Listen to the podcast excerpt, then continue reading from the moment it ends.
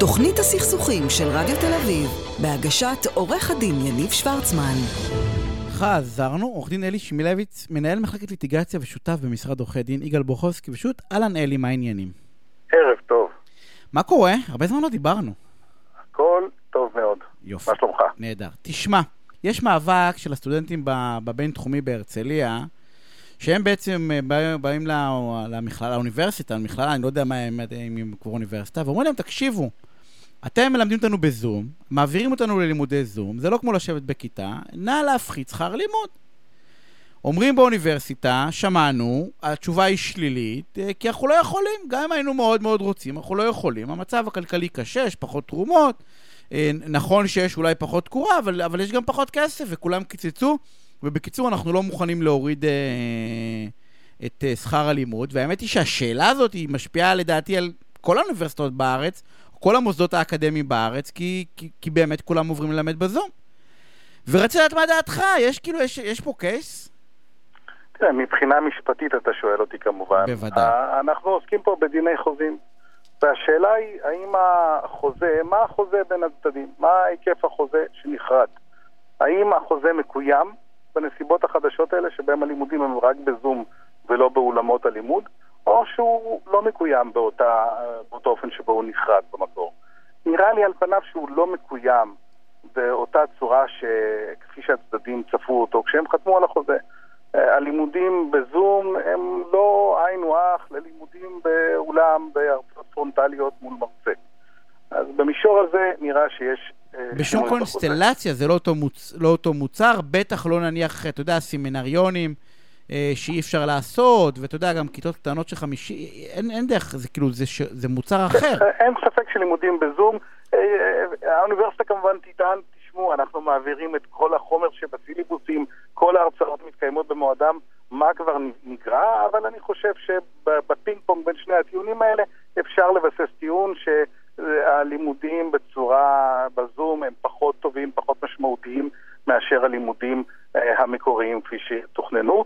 ויש פה עוד היבט, לא רק במישור, במעגל הראשון והפשוט של הלימודים עצמם. כשסטודנט נרשם למוסד לימודי, הוא נרשם לשם ומשלם את שכר הלימוד לא רק על הלימודים. יש הרבה פעילויות שהן מעבר לגרעין הבסיסי של הלימודים, יש פעילויות סטודנטיאליות של מועצת סטודנטים, פעילויות אה, חברתיות, ואני חושב שזה גם אפשר לבסס טיעון שזה גם חלק אני לא קונה הלימוד. רק בעצם את החוויה הלימודית, אלא אני בא ואומר, קניתי מוצר שלם, שנקרא אוניברסיטה, בחרתי לבוא למשל לבינתחומי כי אני רוצה להכיר אנשים, נניח מאותו, אתה יודע, אה, אה, להכיר אנשים, לא משנה מאותו מה, ו- ו- ו- או בר אילן למשל, יש הרבה חבר'ה, אתה יודע, חופשי כיפות צורה, אני רוצה גם להכיר, אתה יודע, זה לא רק, המוצר הוא לא רק הלימודים, אלא זה נכון, כל, נכון, החבילה בעצם. יש שם גבול דק של בוא נגיד על זה שאתה לא מכיר חברים חדשים, אולי על זה אי אפשר לבסס. לא, אני לא מדבר על להכיר חברים, אני מדבר בדיוק, כמו שאתה בא ואומר, אתה יודע. יש... יש פעילויות חברתיות סטודנטיאליות שהן חלק מהחבילה של לימודים במוסד לימוד אה, גבוה, וגם זה לא מסופק. כלומר, החוזה המקורי שנכרת כרגע. הוא משתנה. נשאלת השאלה מבחינה משפטית, מה עושים? האוניברסיטה תגיד בעצם, אין, אין בכוחנו לעשות שום דבר, אנחנו מקבלים הנחיה חוקית מהמדינה לא ללמד באולמות. אנחנו לא פושעים, אנחנו, זה, בעגה המשפטית זה נקרא בעצם החוזה המקורי סוכל. ואי אפשר לאכוף עלינו ללמד באולמות, כי זה לא חוקי, ואתם גם לא יכולים לדרוש מאיתנו פיצויים, כי זה מה שאומר מוסד הסיכול. כשנכפה עליי משהו, אה, כוח עליון, אז... אה, אז כן, אה, אבל, אז, אבל, אבל המדינה כבר אמרה, כאילו יש, כאילו, לא יודע אם יש החלטה, אבל הרוח שנושבת זה שזה לא סיכול, שזה לא כוח עליון, הקורונה. אז תראה, יש פסקי דין שאומרים שקורונה זה כן כוח עליון. אני חושב שמה שקורה פה זה דוגמה מובהקת לכוח עליון, אבל גם בכוח עליון. אה, זה שיש כוח עליון זה לא אומר שהמוסד הלימודי יכול לדרוש את אותה תמורה, את אותו שכר לימוד, כשהוא מספק מוצר אה, שונה.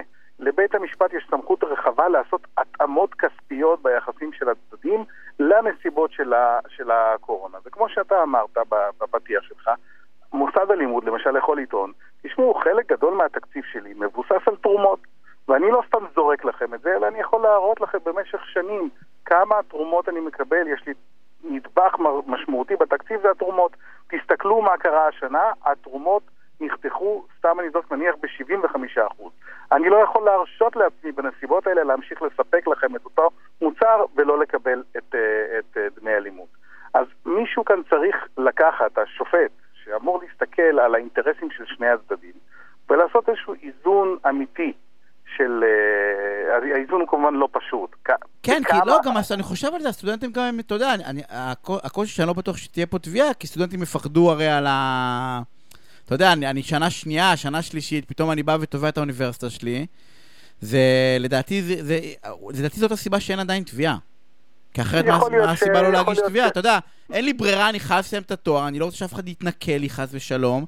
אז אני... נכון, אבל uh, גם הסטודנטים יודעים, או אם לא יודעים, אז הסטודנטים במשפטים יוכלו להגיד להם שהתיישנות בישראל זה שבע שנים, אז... אה, אז אתה אומר ש... לא, אבל אני לא מקבל את זה, עצם זה שאני מסכים לזה, אתה יודע, אני כבר לא... זה לא קצת כמו... לא, אתה יכול להסכים תחת מחאה, ואתה יכול לדרוש אחר כך פיצוי. יש כנראה סטודנטים נועזים שידרשו, שישלמו פחות כסף כבר עכשיו וידרשו שימשיכו ללמד אותם, ויכול להיות שזה יגיע לאיזשהו קלאש של ליטיגציה כבר תוך כדי הלימודים. אבל בסופו של דבר, אני חושב שיש אינטרס לשני הצדדים למצוא את האיזון אה, האמיתי, אה, לעשות התאמה אמיתית של התשלום לנסיבות החדשות האלה. אה, ו- ולא להגיע להחלטה, דרך אגב, שתהיה החלטה רעה לא רק לגבי הבינתחומי והסטודנטים, אלא לדעתי זו תהיה החלטה שהיא תהיה גורפת, כי once תקבל איזשהו מנגנון, אתה יודע, של חלוקה מחודשת של הזה, או נוסחה, אז היא תחול בעצם על כל האוניברסיטאות, אין סיבה שלא הרי. once זה קורה במקום אחד... זה תלוי מאוד, אם, אם זה יהיה בתביעות משפטיות פרטניות, אז כל מקרה יידון מגופו. אם זה יכול להיות אולי כתביעה ייצוגית, אז אחת הטענות שמעלים תמיד נתבעים כנגד תביעה ייצוגית זה שתראה, אי אפשר לדון בזה כתביעה ייצוגית בשם כולם, כי כל מקרה לגופו, יש למשל סטודנטים שהם שנה שלישית, ששנה ראשונה ושנייה כף רגלם לא דרכה באוניברסיטה, אז למה אתה רוצה שעכשיו הם פתאום, אנחנו... הם פתאום, כן, uh, פתאום אז, יש להם כן, טענה. נכון. אז עכשיו אה, כל... אז אה, אני לא יודע כמה זה מתאים לדון, ב, להיות נדון בצורה גורפת כתביעה ייצוגית, אבל בהחלט בתביעות פרטניות של כל סטודנט יש פה טענה שאפשר לבסס. אלי, אני רוצה להודות לך. סליחה, דרך אגב, דש, אם היינו מצרפים מגשר לסיפור, אמר, מה אתה תביעות? מי מדבר על תביעות? הם משוגעים, זה כאילו קלאסי לגישור, קלאסי לגישור. בהחלט. והאמת שזה קלאסי לגישור. אלי, אני רוצה להודות לך על השיחה המרתקת הזאת. שמעתי עם סטודנטים, למרות שאתם לומדים שם משפטים, יש פה עם מה לעבוד. בשיח עם הבינתחומי, אני, אנחנו סיימנו. אנחנו נתראה שבוע הבא ביום שני. בשעה שמונה. אני רוצה להודות לאלעד נבון שהיה פה על התפעול הטכני, ולמי והפיק על ענבר סולומון. מיד אחריי דני סידס, תקשיבו, זו תוכנית מעניינת, כמו תמיד, אבל היום נראה לי תוכנית. מעניינת במיוחד. מי שלא שמע את כל, ה, את כל התוכנית, אז שווה לשמוע את החלקים, אפשר לשמוע את זה גם באתר של 102 FM ואפשר גם באפליקציה.